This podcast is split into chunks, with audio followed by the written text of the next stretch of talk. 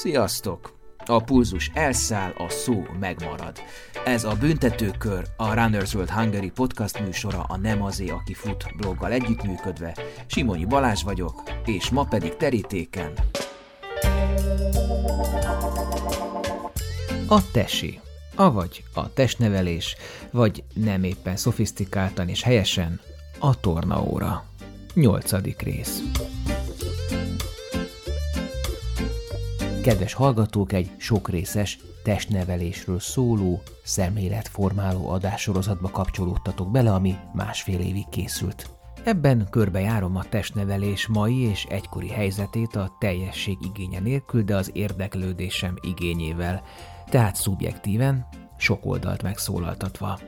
A célom egyéni történeteken, tapasztalatokon át feltárni a testneveléshez való viszonyunkat, a hozzáállást diák, szülő és tanár részéről, amik vagy voltunk, vagy leszünk, vagy sosem leszünk, vagy ezek közül a szerepek közül egy-kettő, netán három akár egybeesik.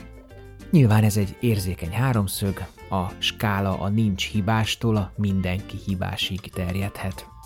Az adásokban majd feltűnik sok aktív és nyugdíjas testnevelő, főállású tanár, besegítő, napközis, speciális igényű gyerekekkel foglalkozó tanár, edző, gyógytornász és fizioterapeuta, nő és férfi egyaránt.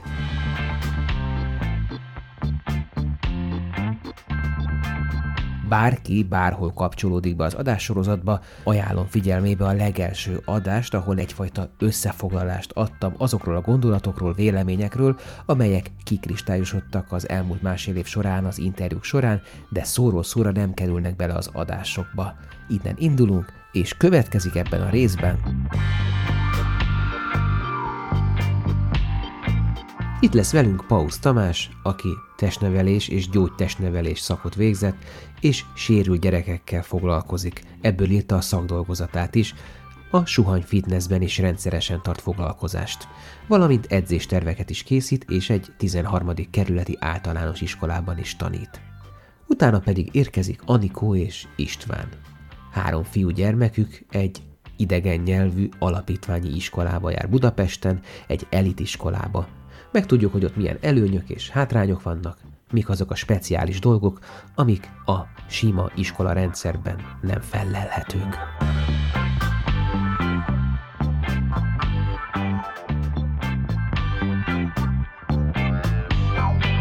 Hát akkor jöjjön minden, amit a tesiről szeretnénk tudni, de nem akartuk vagy nem tudtuk megkérdezni.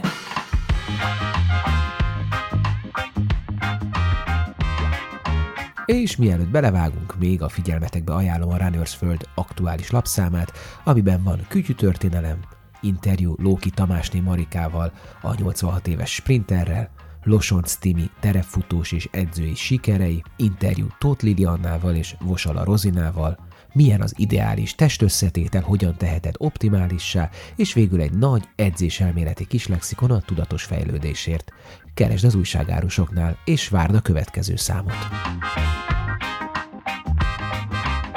Ami engem érdekel inkább, az a, a, a fogyatékos, mozgáskorlátozott, autista, netán vak, nem tudom, velük is foglalkozol -e. Szóval ilyen gyerekekkel való mozgásmegszerettetés, testépítés, testnevelés, testfejlesztés. Erről mesélj a tapasztalataidról, légy szíves. Hogyan lehet, mikor kell elkezdeni? Párhuzamot az úgy fogom tudni vonni, hogy igazából a suhany vonalon, mert a suhany alapítványnak van egy suhanykölykök nevű programja, és azon keresztül tudunk foglalkozni fogyatékkal élő gyerekekkel. Itt van Down-szindrómás, enyhe más, más kategóriájú, tehát vannak itt Williams-szindrómások is. Én a diplomámat is erről írtam, és gyakorlatilag ebben a suhanykölykök programban fogyatékkal élő gyerekek, itt gondolok a Prisma alapítványra, vagy bármilyen más suli, a saját testi órájukat azt nálunk csinálják. Igazából ami adott, az nálunk a terem, ott a spinnerbike-ok, a crankingek, futópadok, és akkor ott oldjuk meg ezeket a testi órákat. Most így az általános suliban volt egy-két gyerek, aki mondjuk mozgásfejlesztésre szorult volna, mondtuk, jeleztük a szülőknek, és ők már mondjuk a mozgásjavítóba járnak. Általában a szülők nem ismerik föl, vagy nem akarják fölismerni a problémát, és akkor nyilván ez ilyen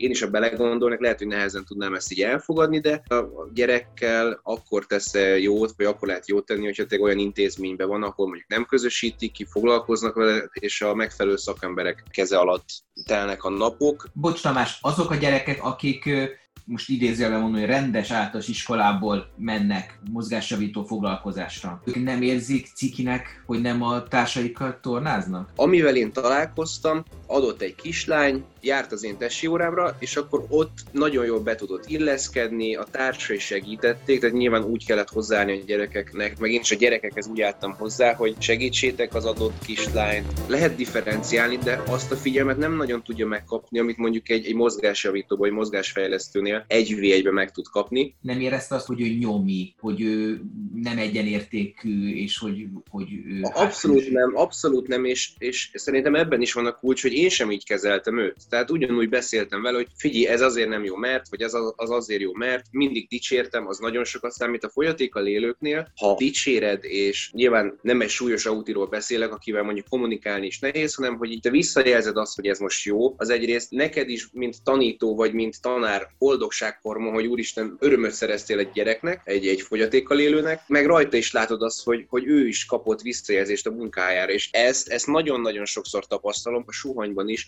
meg itt ennél kislánynál is a suliban. De amikor jönnek a gyerekek, és egyik héten még nem tudja, hogy kell csinálni, a másik héten meg már tudja, és sikerélménye van, és visszajelzel neki, szerintem ott abban van nagyon nagy kulcs, hogy folyamatosan tudod motiválni, de abszolút nem könnyű. Te miért választottad ezt a pályát? Van valami családi motivációd erre? ezt már páran kérdezték, és, és lehet, hogy durva lesz, mert ezt igazából így nem reklámoztam. Én kiskoromban, amikor Down-szindrómással találkoztam, egyszerűen féltem. És ez lehet, hogy másokkal is így van, vagy kisebb korukban így volt. Egyszerűen féltem tőlük, és nem éreztem magam komfortosan, hogyha ha jött szembe valaki az utcán, és, és láttam rajta, hogy mondjuk ő Down-szindrómás, vagy egyáltalán felfogtam-e volna, hogy ő most Down-szindrómás.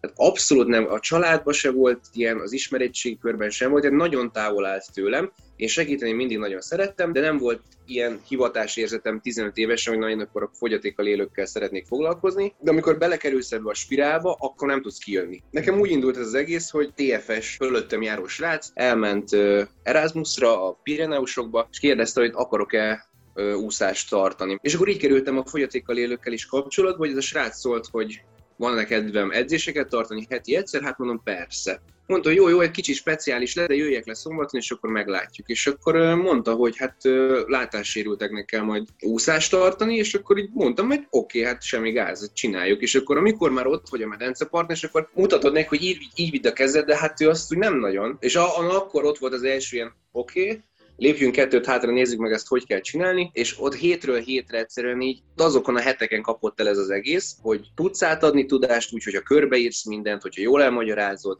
át tud érni úgy az egyik partról a másikra, hogy mondjuk csinálsz egy olyan egyhoz gyorsot, hogy számolja a tempót, 40 karcsapás alatt átér, és akkor ő már tudja azt, hogy 35-45 karcsapás alatt ott már valószínűleg faljon. Ott kezdődött az egész, és aztán jött az, hogy Péter megkeresett azzal, hogy lenne itt egy fitnessterem is, ami integrált, és aztán így benne maradtam. Tehát a családban nem volt ilyen, ismerettségkörben nem volt ilyen, egyszer belekerültem, és, és nem, nem akarok már kijönni belőle. Egyébként, amit elmondtál, hogy gyerekként féltél a downosoktól, ez nagyon érdekes, mert ugye pont a gyerekek sokkal elfogadóbbak bőrszín, különbözőségek, bármilyen idézőjeles furcsaság felé, és ugye ez főleg így az idősebb korosztálynak a sajátja, lásd, most ez a migráns válság is kihozta az emberekből, ugye, hogy félnek az idegenektől, félnek, hogy megszokott életük felborul, hogy más lesz. De ez csak egy zárójeles megjegyzés volt, hogy ez, hogy ez milyen érdekes, hogy ez pont gyerekként alakul ki nálad. Ez azért volt, mert nem nagyon találkoztam ilyen esettel.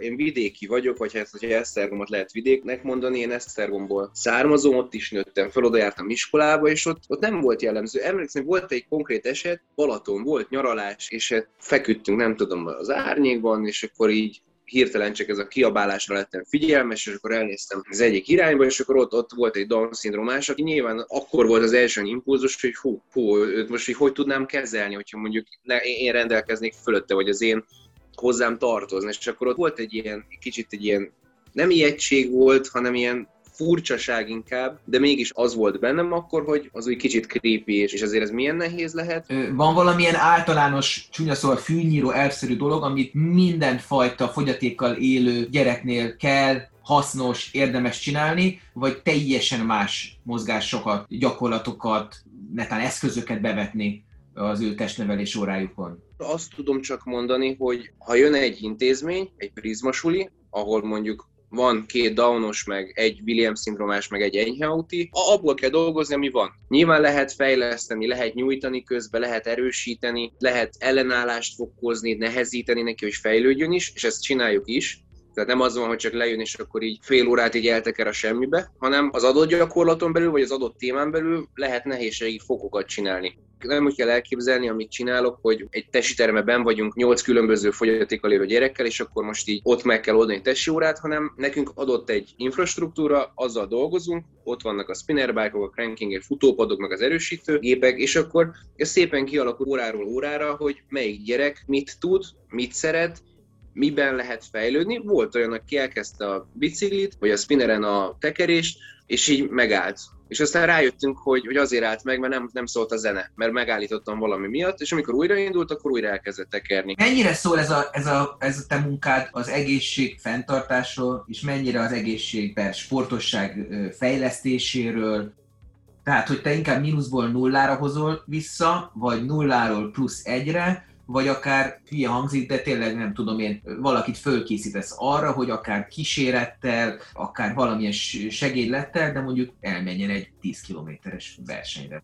Ez tök jó, hogy pont mondtál ilyet, mert, mert volt egy ilyen fiú, aki ráállt a futópadra, és nem azt mondom, hogy egy mófará stílusa volt, de látszott az, hogy, nyúlékony, vékony, szereti a futást, jól is néz ki, tehát így tényleg így látod a futómozgását, hogy ez rendben van. Onnan indultunk, hogy lefutott 500 métert futópadon, és a vége az alatt, hogy elértünk oda, hogy egy Vivicsitta vagy egy suhanybetét futamon lefutott egy 1 kilométeres távot, majd a 7 kilométeres távot is segítővel lefutotta. Hány, hány éves gyerekekről beszélünk, tehát egy tóliget tudsz mondani? Kb. ilyen 8 évestől 12-13, 80 százalékban, de van egyébként felnőtt csoportunk is, tehát van, aki, akik ilyen 30 éves korosztály, de a nagy többség az az általános felső takozat. Járnak hozzánk általános kicsik is, tehát az 1-től 4-ig, másodikosok, harmadikosok, de a legnépszerűbb ez az 5-től 8-ig, ez az ilyen 10-től 14 éves korig. Most a, főleg száraz edzésekről beszéltél, azt gondolnám, hogy, hogy, hogy a vízben való edzés, úszás, taposás, ilyesmi, az valahogyan komfortosabb vagy kézreállóbb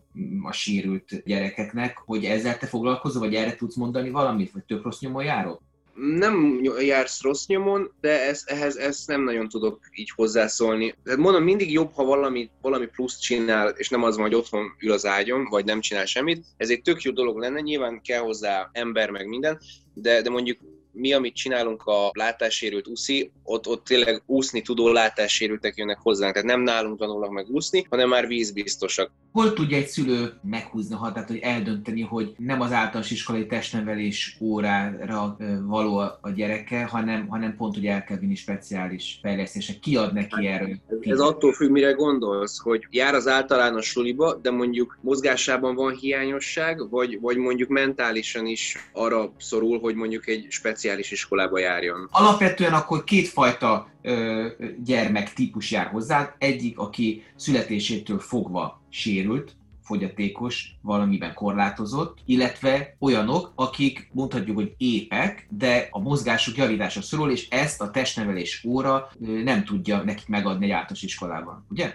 Van az általános suli, járnak oda gyerekek, de találkoztam ebben a tanévben egy olyan gyerekkel, aki ötödikes, és az elmúlt négy évben, tehát egytől negyedik osztályig végigjárt az állami suli, állami suli, hát az általános sulit, és jeleztek a tanárok, meg jelzett az igazgató neki, hogy hoppá, neki nem ebbe az iskolába kéne járni, hanem speciális iskolába, de a szülő nem nagyon akarta ezt, és erőltette. Viszont most eljutott már odáig, hogy beadta a mozgásjavítóba. Járnak hozzám olyan gyerekek a suliba, vagy vannak olyan gyerekek az osztályban, akiknek mondjuk mondom túlsúlyosak, vagy, vagy esenisek, és akkor ők, ők járnak fejlesztő órára nem hozzám, hanem van az iskolában pszichológus vagy fejlesztő tanár, és akkor ők hozzájárnak, de ott mondjuk nem tornáznak, hanem inkább ilyen mentális játékokat csinálgatnak, meg ilyenek, és akkor vannak a fogyatékkal élők, akit mondtál, hogy születésüktől kezdve fogyatékkal élők, ők pedig a speciális iskolában szocializálódtak, oda jártak elsőtől kezdve, és én megkapom őket mondjuk így negyedik, ötödikes korukban, és elkezdek velük foglalkozni. Akkor viszont ebbe vágjunk rendet. Te, amikor ott vagy a suhanyba, akkor te nem gyógytesit tartasz, hanem valami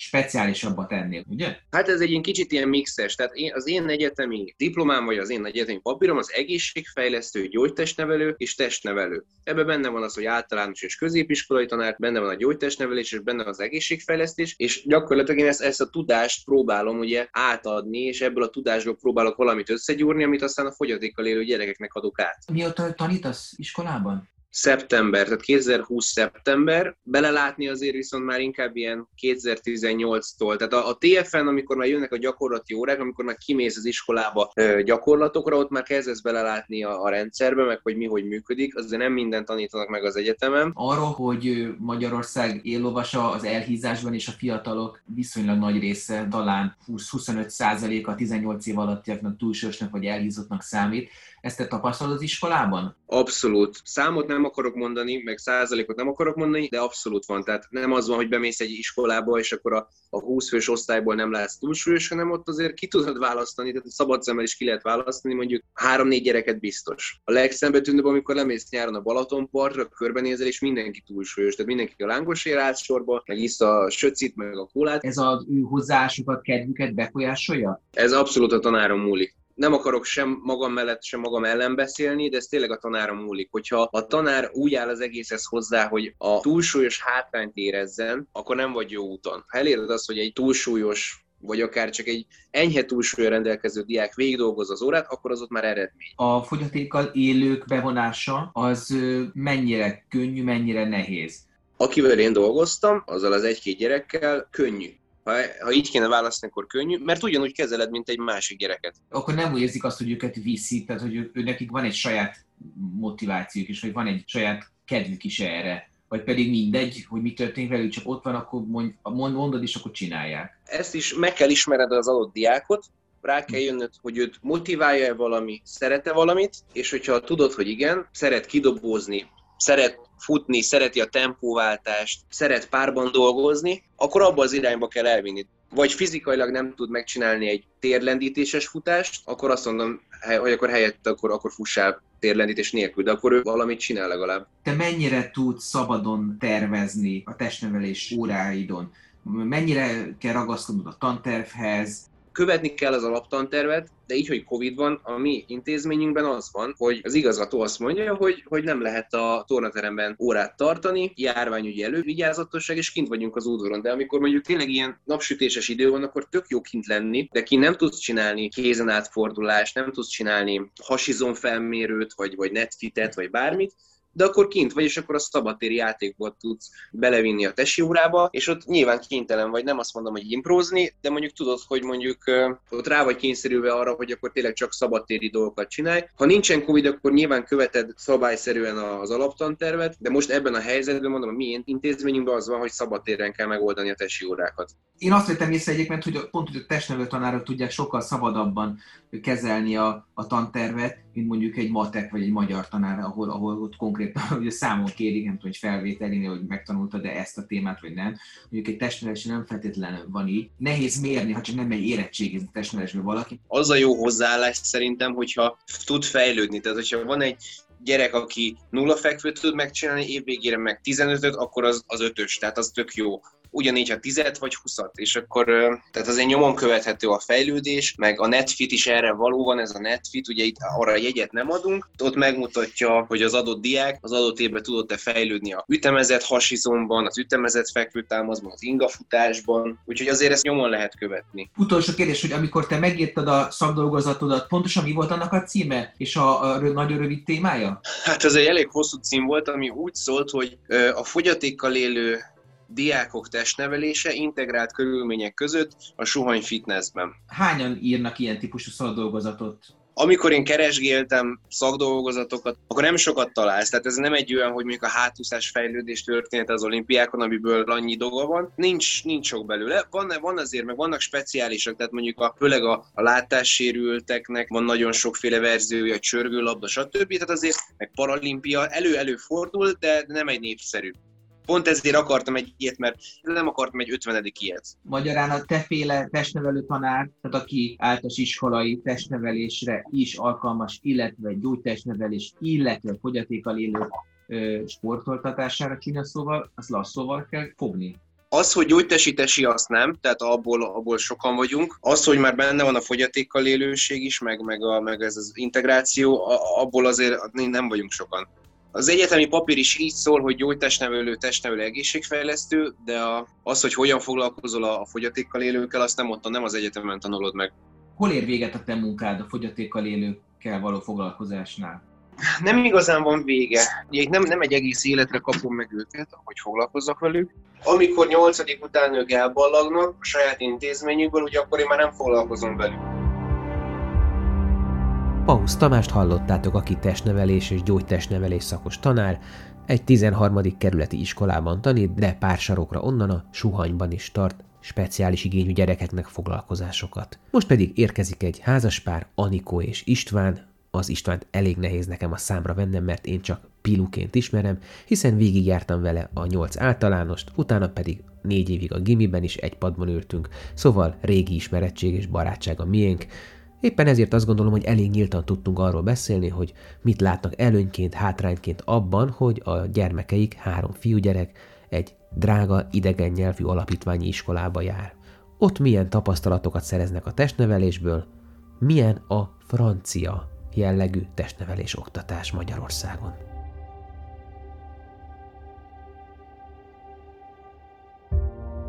Itt van velünk Anikó, akinek három gyermeke is van, három fiú, és mind a hárman egy nemzetközi iskolába járnak, de Budapesten. Ha jól gondolom, akkor egy elit intézményről beszélünk, kiemelt a tandíj, nem állami iskola. Ebből a szempontból azt gondolná az ember, hogy minden tekintetben kiemelt minőségi oktatást kap. Én most kifejezetten a testneveléssel kapcsolatban kérdezlek.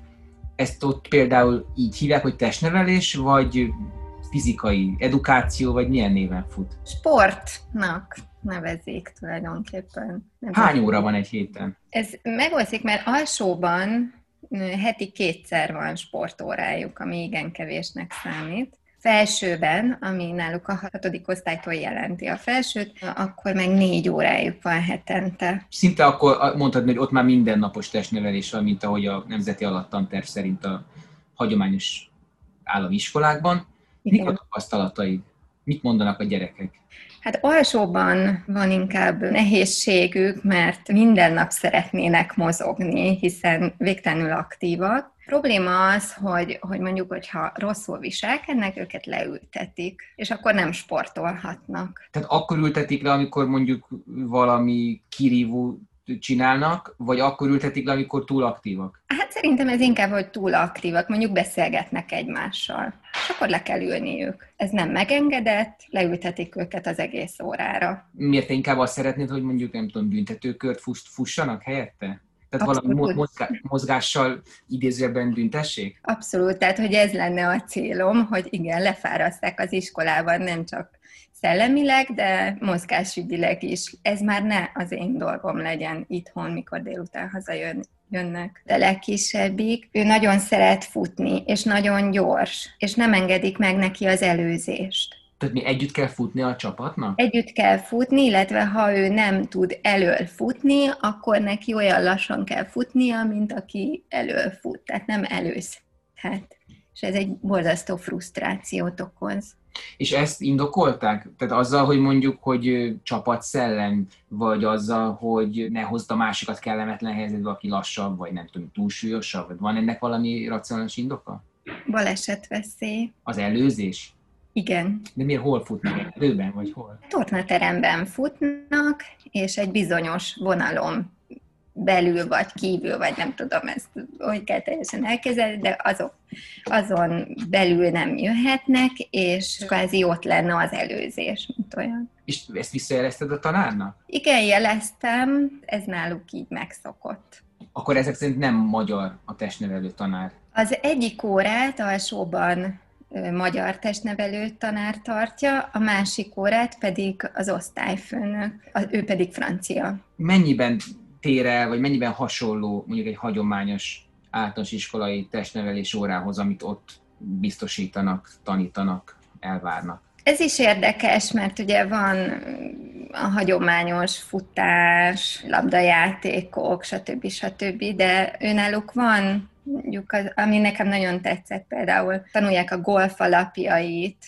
akkor tanulják az íjászat alapjait. Az nem tetszett, hogy tanulnak magasugrani. Ehhez muszáj lenne szerintem, hogy, hogy pontosan tudják, hogy hogy kell érkezni, pontosan tudják, hogy... Tehát, hogy ne legyen belőle sérülés. Ez tök érdekes, amit mondasz, mert a magasugrás az nekem inkább ezt a svéd tornás, régi berögzült testnevelés tanmenetet idézi, míg mondjuk a golf leginkább, de akár az ijászat is, az tényleg már az elitnek a, a sportja, vagy az olyan elegáns sport. Igen, igen, abszolút, és ezért is tetszett mondjuk az, hogy ezekkel az új fajta, amiket mi nem is mutattunk nekik, tehát hogy olyanokat is mutatnak, illetve próbálnak a gyerekek. És bármi más, amit ezzel kapcsolatban megosztanál, tehát hogy mennyiben más, mennyiben hasonló? Nem úgy haladnak, hogy felépítik a mozgást, hanem úgy bele a közepébe, tehát hogy, hogy mint például ez a magasugrás, hogy átugrasz egy rudat, és szóval nekem mindig az a félelmem, hogy ha rosszul csinálod, vagy akár a távolugrás, és ugye a mikorunkban volt a távolugrás, hát nem úgy érkeztünk, puf, kiment a hátad. Hiányolod a rávezető gyakorlatokat? Igen, igen, igen, igen. Vagy például felsőben van zsonglőrködés, ami egy olyan szemkész koordinációt igényel, ami tehát nem biztos, hogy mondjuk sikerélményt jelent egy gyereknek. Igen, ez igaz, viszont gondolom nagyon jól megmozgatja az agyféltekéket, meg a koordináció mellett ugye a függetlenítést is gyakorolja a különböző végtagjaival, de ezt nem is hallottam még, hogy ilyen lenne valahol. Igen, e- ebben teljesen igazad van, csak ugye ez egy iskola, tehát ezt mind értékelik. Na, hogy megy az értékelés? A-tól D-ig megy, az A a legjobb, a D a legrosszabb, illetve pontokkal megy már felsőben, és mondjuk, hogyha D-t kapsz egy zsonglőrködésre, az nem olyan kellemes. Nem lehet, hogy egy életre elveszik tőle a kedvedet. No, hát tényleg a szemkész koordinációt tényleg fejleszteni. Az eszközöket például nektek kell beszerezni ehhez? Nem, az eszközök azok rendelkezésre állnak. És inkább akkor ilyen túlvédő az intézmény, tehát ne legyen baleset, ne legyen kihágás, ne legyen rendetlenkedés, vagy azért belefér az, hogy mondjuk egy, egy focinál ott, hogy ez a grundszellem, hogy a marják egymást, rúgják egymást, ilyesmi. Ez egy érdekes felvetés, mert foci az nincsen. Szabad játék a gyerekeknél nagyon nincsen. Érdekes, hogy ugye mindenki mutassa meg egyenként magát, vagy mondjuk kettesével esetleg játszhatnak tollast, vagy, vagy, vagy pingpongot, vagy ilyesmit azt is természetesen mind értékelik, tehát akármennyire is gyakoroltat keveset. A gyakorlás az hogy megy? Tehát az órán kell gyakorolni, vagy, vagy otthon kell készülni mondjuk a szülővel, és ott bemutatni? Tehát van erre tér meg idő az órán? Valamennyi van, tehát valamennyire tudják ezt gyakorolni, de utána értékelésre kerül sor. Van egy-két csapatjáték, úgymond, amit mondjuk ketten játszanak, például tollás, vagy pingpong, vagy, vagy most elkezdték a kosárlabdát már felsőben, azt ugye többen játszák, csak a egyes, tehát hogy hogyan tudják egyedül megmutatni. Inkább kevesebb csapatsport, és sokkal több egyéni, vagy egymás elleni, egy az egybenes feladat van? Igen, alsóban mindenféleképpen igen, tehát nem a csapatjátékot. Viszont vannak ilyen versenyek is, futóverseny, ami egy tradicionális futóverseny. De ott azért lehet előzni, nem? Hát érdekes, inkább ez váltóverseny, tehát hogy mindenki a saját pályáján fut, és akkor átadják egymásnak ugye ezt a váltóbotot. Lehet kvázi előzni, mert nem mehetsz ki a saját sávodból, tehát itt ez megoldott. Például ilyenek, hogy tornasor van, egyen tornaruha van, tehát hogy mennyire próbálják őket ilyen rendre, fegyelemre, pedantériára kényszeríteni, mennyire próbálják uniformizálni, mint a mi időnkben? Most alsóban körülbelül harmadiktól kötelező átöltözni a sportórához. Tehát addig a gyerekeknek nincs rá se módjuk, se idejük, hogy átöltözzenek. Maximum sportcipőt válthatnak. De a, amiben mennek, abban kell sportolniuk. Utána negyediktől már átöltözhetnek villámgyorsan, hatodiktól meg át kell öltözni, de teljesen mindegy, hogy mit vesznek föl. Tehát nincsen uniform. Mondjuk, mondjuk, hogy a te idődhöz, amikor te voltál általános iskolás, ahhoz képest ezt jobbnak, rosszabbnak, másabbnak tartod? Én személy szerint komolyabban vettem a testnevelés órát. Talán ezt a magyar oktatási rendszernek pozitívumaként sorolnám föl, hogy, hogy úgy valahogy határok közé szorítottak minket. Engem ez előrébb vitt, én úgy látom, mint mondjuk a gyerekeimet ahol nem kell átöltözni. Nem biztos, hogy van tornasor, most erre száz százalékban nem tudok válaszolni. Nálam a határok azok sokkal feszesebbek voltak. Tudod, ez ilyenkor úgy van, hogy fiatalkorban megfogadjuk, hogy, hogy na ezt az én gyerekem biztos nem fogja csinálni, mert, nem, mert jobb sorsot szállnak neki. Aztán látod, hogy visszasírjuk. Nem, neked nincsen érzése? Látom, hogy a gyerekek most kevésbé akarnak mozogni, és ott mi azért rá voltunk kényszerítve, sőt volt is lehetőségünk akár reggeli tornával, akár délutáni elfoglaltság keretében, művészi torna, stb. stb. Tényleg művészi torna, ezt még úgy jazz jazzban, igen. Igen, igen, igen. Itt mondjuk ebben az iskolában délutáni sportfoglalkozás nincsen, vagy ami az a kevés, amiben az, az, az nem annyira színvonalas. Látom a gyerekeken, hogy nincsenek úgy átmozgatva, és ez, ez rám hárul délutánonként. Még ami érdekes, az, hogy van egy olimpiájuk. Amúgy a futóverseny az az év elején van, az olimpia meg pont az év végén van. Ott több sportákban kell megmutatniuk magukat.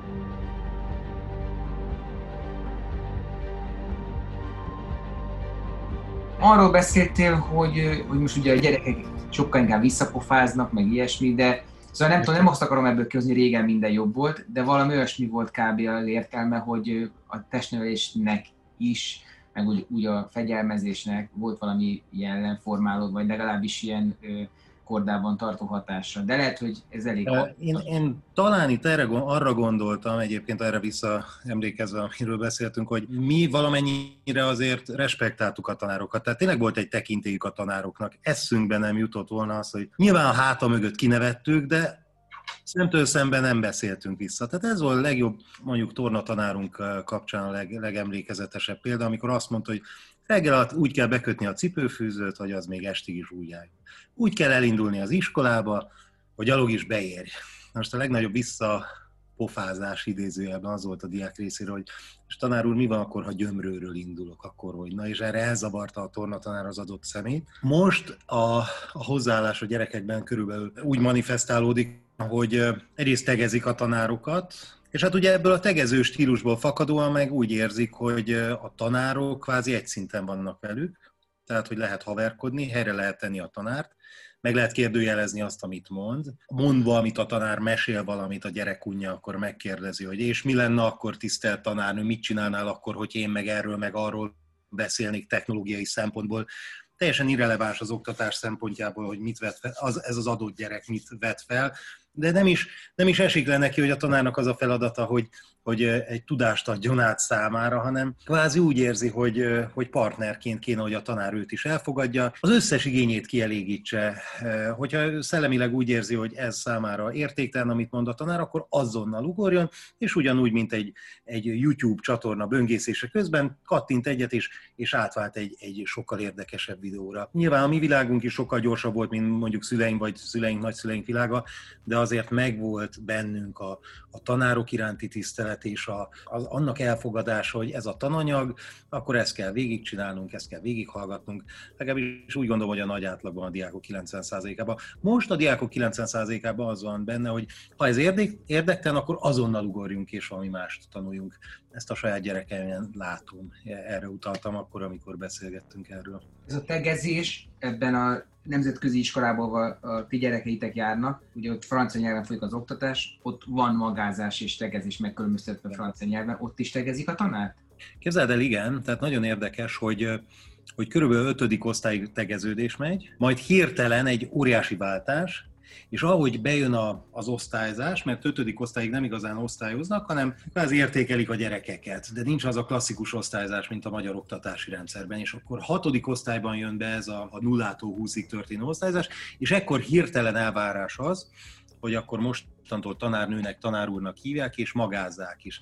Na most ez is egy hirtelen váltás a gyerek számára, és ez a francia rendszer kritikája is, vagy a nemzetközi, mert az amerikai iskolában ez könnyebben megy, hiszen ott, ott csak tegezés megy, de a francia rendszer hibája is, hogy nem készítik fel a gyerekeket erre, hanem hirtelen egy hatodikba egy óriási ugrás, mint hogy egy kis gimnáziumba menne, vagy kis gimnazistává válna, és akkor el kell kezdeni magázni az adott tanárurat, tanárnőt, és, és tanárnőnek, tanárúrnak szólítani, és nem a keresztnevén. Noha ötödik osztály végéig a keresztnevén szólítja az adott oktatót. Pár emberrel, akivel beszéltem, ugyanezt hallom, hogy a magyar iskolában is harmadik, negyedik osztályig tegezik. Tehát nincs az, hogy csókolom tanítónéni, szia tanítónéni, hogy vagy, szia Orsi néni, szia XY néni, tök mindegy. Tehát az, hogy szia, Hát nálunk már az első nap, általános iskola első napján csókolommal közön, sőt már az óvodában is, tehát azért ez, ez nem így ment annó.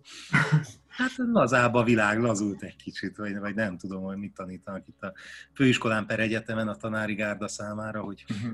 lehet, hogy ezt nyugati irányt átveszik. És visszaemlékezve, neked általánosból, illetve később gimnáziumból milyen emlékeid vannak a testneveléssel kapcsolatban? Tehát azért egy magas, jó kondiban lévő srác volt, tehát nem voltál se elhízva, se semmilyen fogyatékosságod nem volt. Kvázi belestél még abba az átlagba, akinek kellett tesizni, te nem volt tornából felmentett kígyóváló nemzedéktag, ugye, ahogy ezt szokták mondani. Te szeretted, vagy megszeretted a tesit, vagy csak azt a részét szeretted, amikor így bedobták a labdát, azt lehetett játszani? Én nagyon őszinte leszek hozzád. A tesét nem szeretem sem általános iskában, sem középiskában, amikor a tananyagot adták be a tanárok.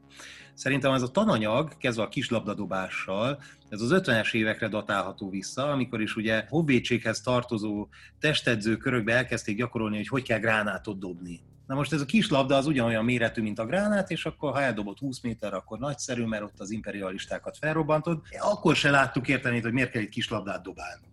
Na most, amikor gimnáziumban kaptunk egy olyan tornatanárt, aki rájött arra, hogy itt nem hármas ugrással kell tönkretenni a atlétika iránt nem érdeklődő gyerekek derekát, nem rájött arra, hogy sokkal többet ér el akkor, hogy odahajítja a labdát, és azt mondja, hogy jó lesz a közepes év végén, és mindenki bólogat nagyban, akkor egy intenzív testnevelés óra vette kezdetét, tehát még az óra előtt 5 perccel kezdtük el, óra után 5 percig ott maradtunk, és te 55 percet azt végig rohantunk. Vagy az a fajta kidobós, amikor úgy mögüled is lehetett dobni, ugye, aki, aki kidobtál, és oda ment a labda, akkor még hátról is érkezhetett egy, egy, egy, egy dobás. Ez a kidobálás, ez a, a kidobós játék. De, igen, de egyébként tudom, igen, tényleg vannak ilyen honvédségi gyökere, ilyen gránáthajításra hasonló. Igen, igen. Az, tudod, ez a klasszikus kis barna labda volt, emlékszel? Kis bőtlabda. Igen, de ugyanakkor meg megnézed a klasszikus atlétikában, ugye ott a gerelyhajtás, az is egy, egy, egy militáns sportág, Igen, a militáns aktivitásnak a sportágiasulása, szerintem akár még a diszkoszvetés, vagy a kalapácsvetés, ilyesmi. De például nekünk ott volt, emlékszem, és mai napig ott vannak az iskolákban, ezek a svéd szekrények, tehát dobbantással, ugrás, bordáspal. Nekem ezek az olyan, olyan emlékeim, hogy azokat nem szívesen csináltam, de, de valahogy nekem olyan utálatos élményem nincs a, a testneveléssel kapcsolatban.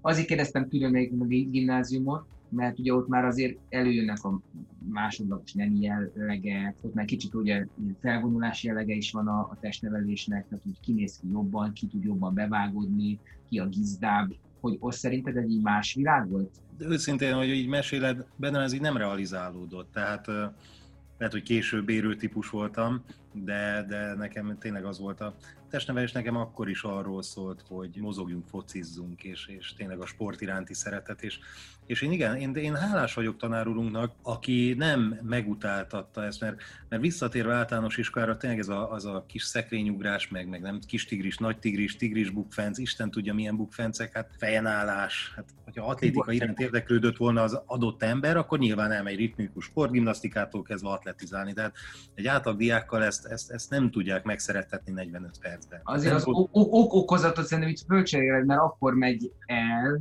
hogyha megszereti az órán, ugye? Tehát nyilván tetszik neki, igen. Tehát be kell mutatni a gyereknek, csak lehet egyébként, hogy, hogy én nem voltam fogékony, de azt mondom neked, hogy az osztály 90%-a nem volt fogékony arra, hogyha visszagondolsz. Tehát, vagy, vagy pont egy olyan osztály, ahol inkább értelmiségi osztály voltunk, ahol, ahol tényleg nem, tehát nem tudom, hogy most falábú osztály lehettünk, nem tudom, de, de nem, nem tudok felidézni olyan embert, aki a tornóra hatására kezdett volna el sportolni igazán intenzíven. És valljuk be őszintén, te sem a tornórának köszönhetően, nem Balázs, most így visszakérdezve. Tehát mi együtt elmentünk, kondiztunk szépen, focizgattunk, stb. stb., de nem annak köszönhető, hogy azt mondtad, hú, tényleg igen, ez a pedagógus olyan hatással volt rám, hogy én követem az ő útját, és elkezdek futni, és egy sportember lesz belőlem. Igen, nem, nem. Ilyen, ilyen, ilyen, nem volt, igen. De például az, hogy engedtek sokat focizni, tehát bementünk nulladik órára, még télen is igen. reggel hétkor, amikor csont sötét volt, és állt a hó a pálya, még akkor is bementünk focizni.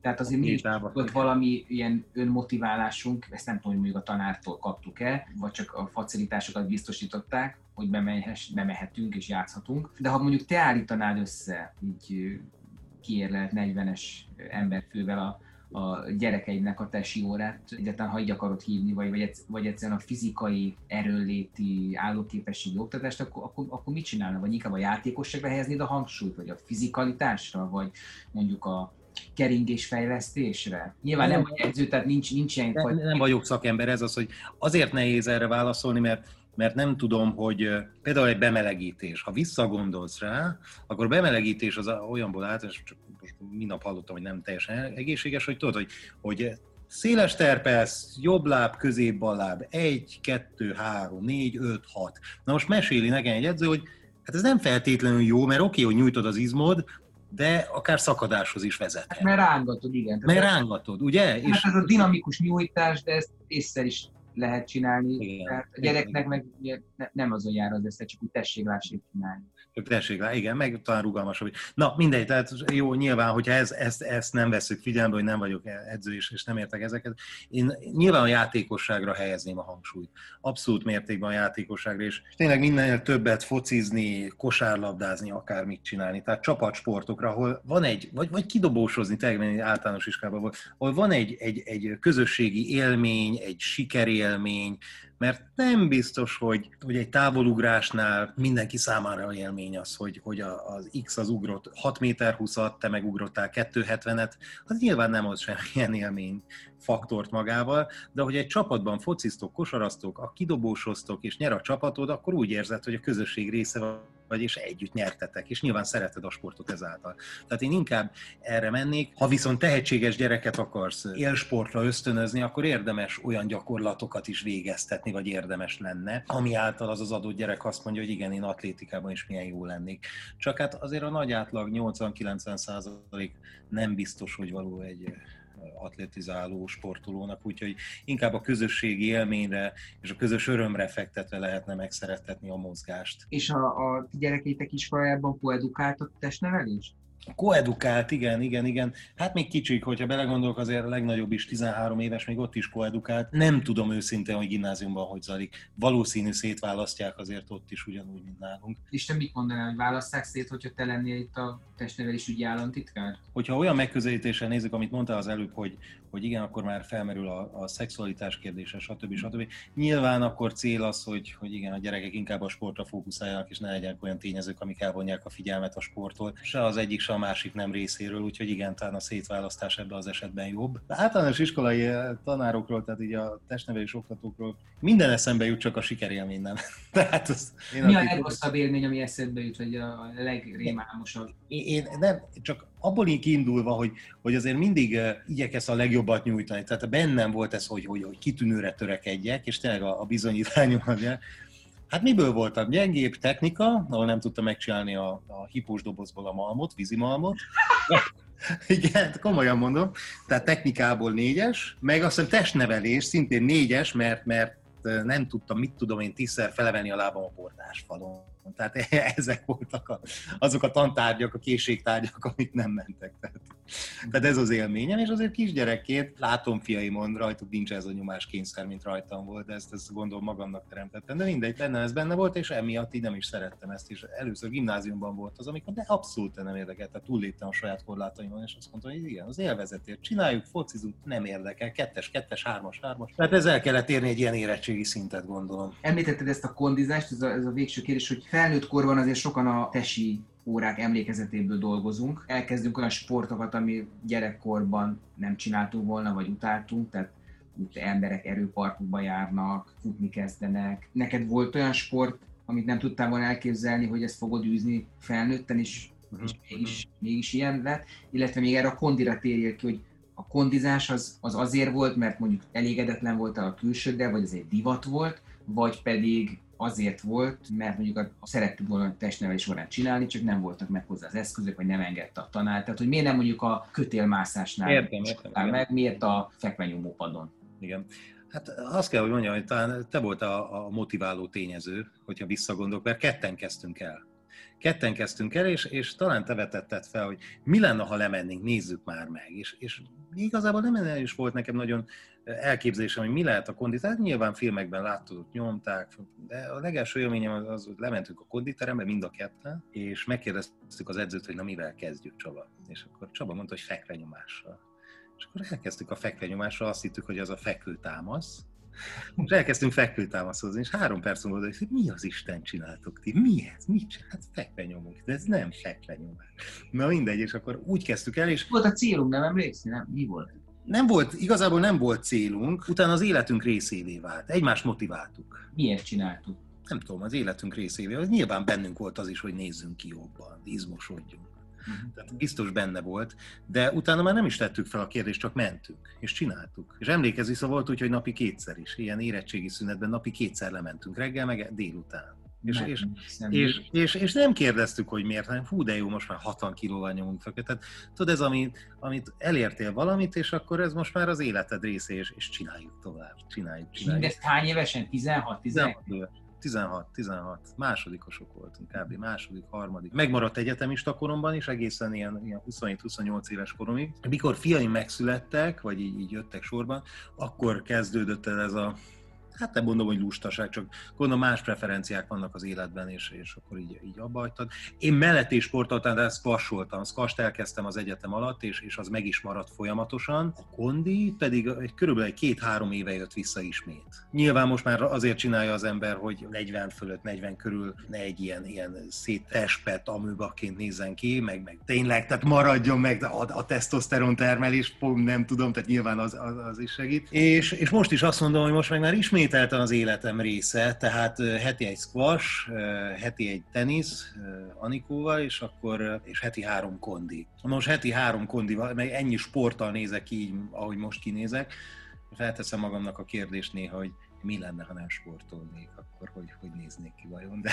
ez csak csendben, úgyhogy nem, nem gondolkodom el rajta. Nagyon jó, és nem szabad abba hagyni, és volt olyan, hogy kétet elmentem barátaimmal egy, egy két-három napra Balatonra, és utána hazajöttem, nem volt kedvem kondizni, de lelkiismeret furdalásom volt, tudod? Tehát, hogy így, így kimaradt, és azt mondta, basszus kulcs, hát ez, ez pedig meg kellett volna csinálni hétfőn, na mindegy, akkor majd kedden megcsinálom. És kedden elmentem, és megcsináltam, és hogy meglegyen az a heti három legalább. Lehet, hogy ez a titkot gyerekként nem volt elkismert furdalásunk, hogyha nem csináltunk meg valami most akár te során, akár bármi. Hogy ez hiányzott belőlünk? Ha visszagondolsz azért, gyerekként nem, nem kellett ezzel törődnöd, hogy hogy nézel ki. Hál' Istennek, te is, én is olyan típusok voltunk tényleg, hogy, hogy se, se nem voltunk elhízva, ha ettünk többet, de utána egy, egy-két napig egészségesebben étkeztünk, akkor lement minden azonnal rólunk, és nekem tényleg olyan 36-37 évesen éreztem azt, amikor öltönyeim elkezdtek feszülni rajta így fenékben, és arra gondoltam, hogy Atya Úristen, hogy már most ilyen lesz, akkor mi lesz itt 10-15 év múlva. És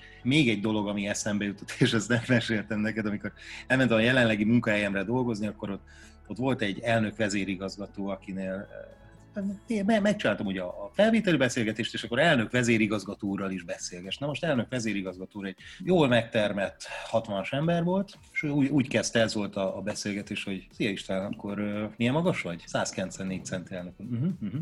Hány kiló? 96. Aha, aha. Teniszezel? Igen, nem. rendben. Én is ilyen kaliberű vagyok, mint te, de már 116 kiló, úgyhogy nyugodtan számíthatsz rá, hogy körülbelül évente fél kötőjel egy kiló jön rád, úgyhogy egy ilyen 45-50 évesen már 115-120 kiló lesz. És tudod Balázs, amikor ott állok 37 évesen, hogy basszus kulcs, 111 kiló vagyok, akkor ugye eszembe jutottak azóta elhunyt elnök úr szavai, és azt mondta, hogy na ne, elnök úr nem. Minden tiszteltem feléd irányodba, és nyugodj békében, üdvözöllek a mennyben is, de nem, én nem megyek el a 120 kilós irányba, hanem inkább akkor, akkor menjünk vissza az eredeti 96, 7, 8, 9, 101 kiló irányba. Úgyhogy, úgyhogy nyilván ez, ez, ez motivált igazán. Aztán meg ugyanúgy ugyanúgy, mint e, tínédzserkorunkban az életed részévé vált, és aztán már csinálod, és, és, és teljes lelkesedéssel beleadsz apait, anyait, ha abban a kevés idődben, ami három gyerek mellett, meg a munka mellett van, és nem ész arra másfél órára, akkor ott tényleg folyjon a víz, meg minden, és csináld, és, és azt az edzéstervet, amit előírtál magadnak, azt, azt nyomd le. De továbbra is motiválsz, továbbra is motiválsz. A, a, a hatalmas futásoddal, a, a Bring Sally Up 20 km után 2 perc 30 másodpercet. Hú, ezt nem csináltam, majd Küld már át azt a YouTube linket, hogy hol van. Éppen meséltem valakinek, hogy 20 km után lazán még 2 perc 30-nál mondtad, hogy na jó srácok, most, most elég azért. nem azért, nem a, nem a 20 km volt, hanem hogy én még aznap voltam erőparkban. Na hát, és na jó, hát Hát nyilván, tehát itt tesi órával kapcsolatban nem. Egyébként azon gondolkodom, hogy fiaimat motiválni majd, hogy, hogy fogom tudni, hogy ők is elkezdjék majd. De a legnagyobb fiamon látom, hogy ő nem lelkesedik annyira a testnevelés iránt, nem hogy a testnevelés semmilyen sport iránt szerintem, és amikor elő, vagy előadom neki, hogy na majd kondizni elkezdesz, és akkor jön az ellenállás, hogy én ugyan nem, és az biztos, hogy nem. Ezt kíváncsi vagyok, hogy őt mi és ki fogja motiválni, és vajon bejárja ugyanazt az utat, mint én.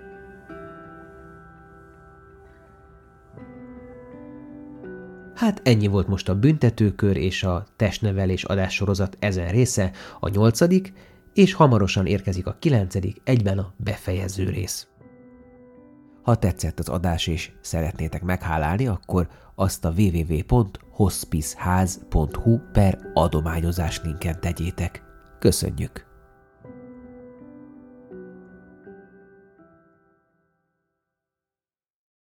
A műsor a Béton partnere.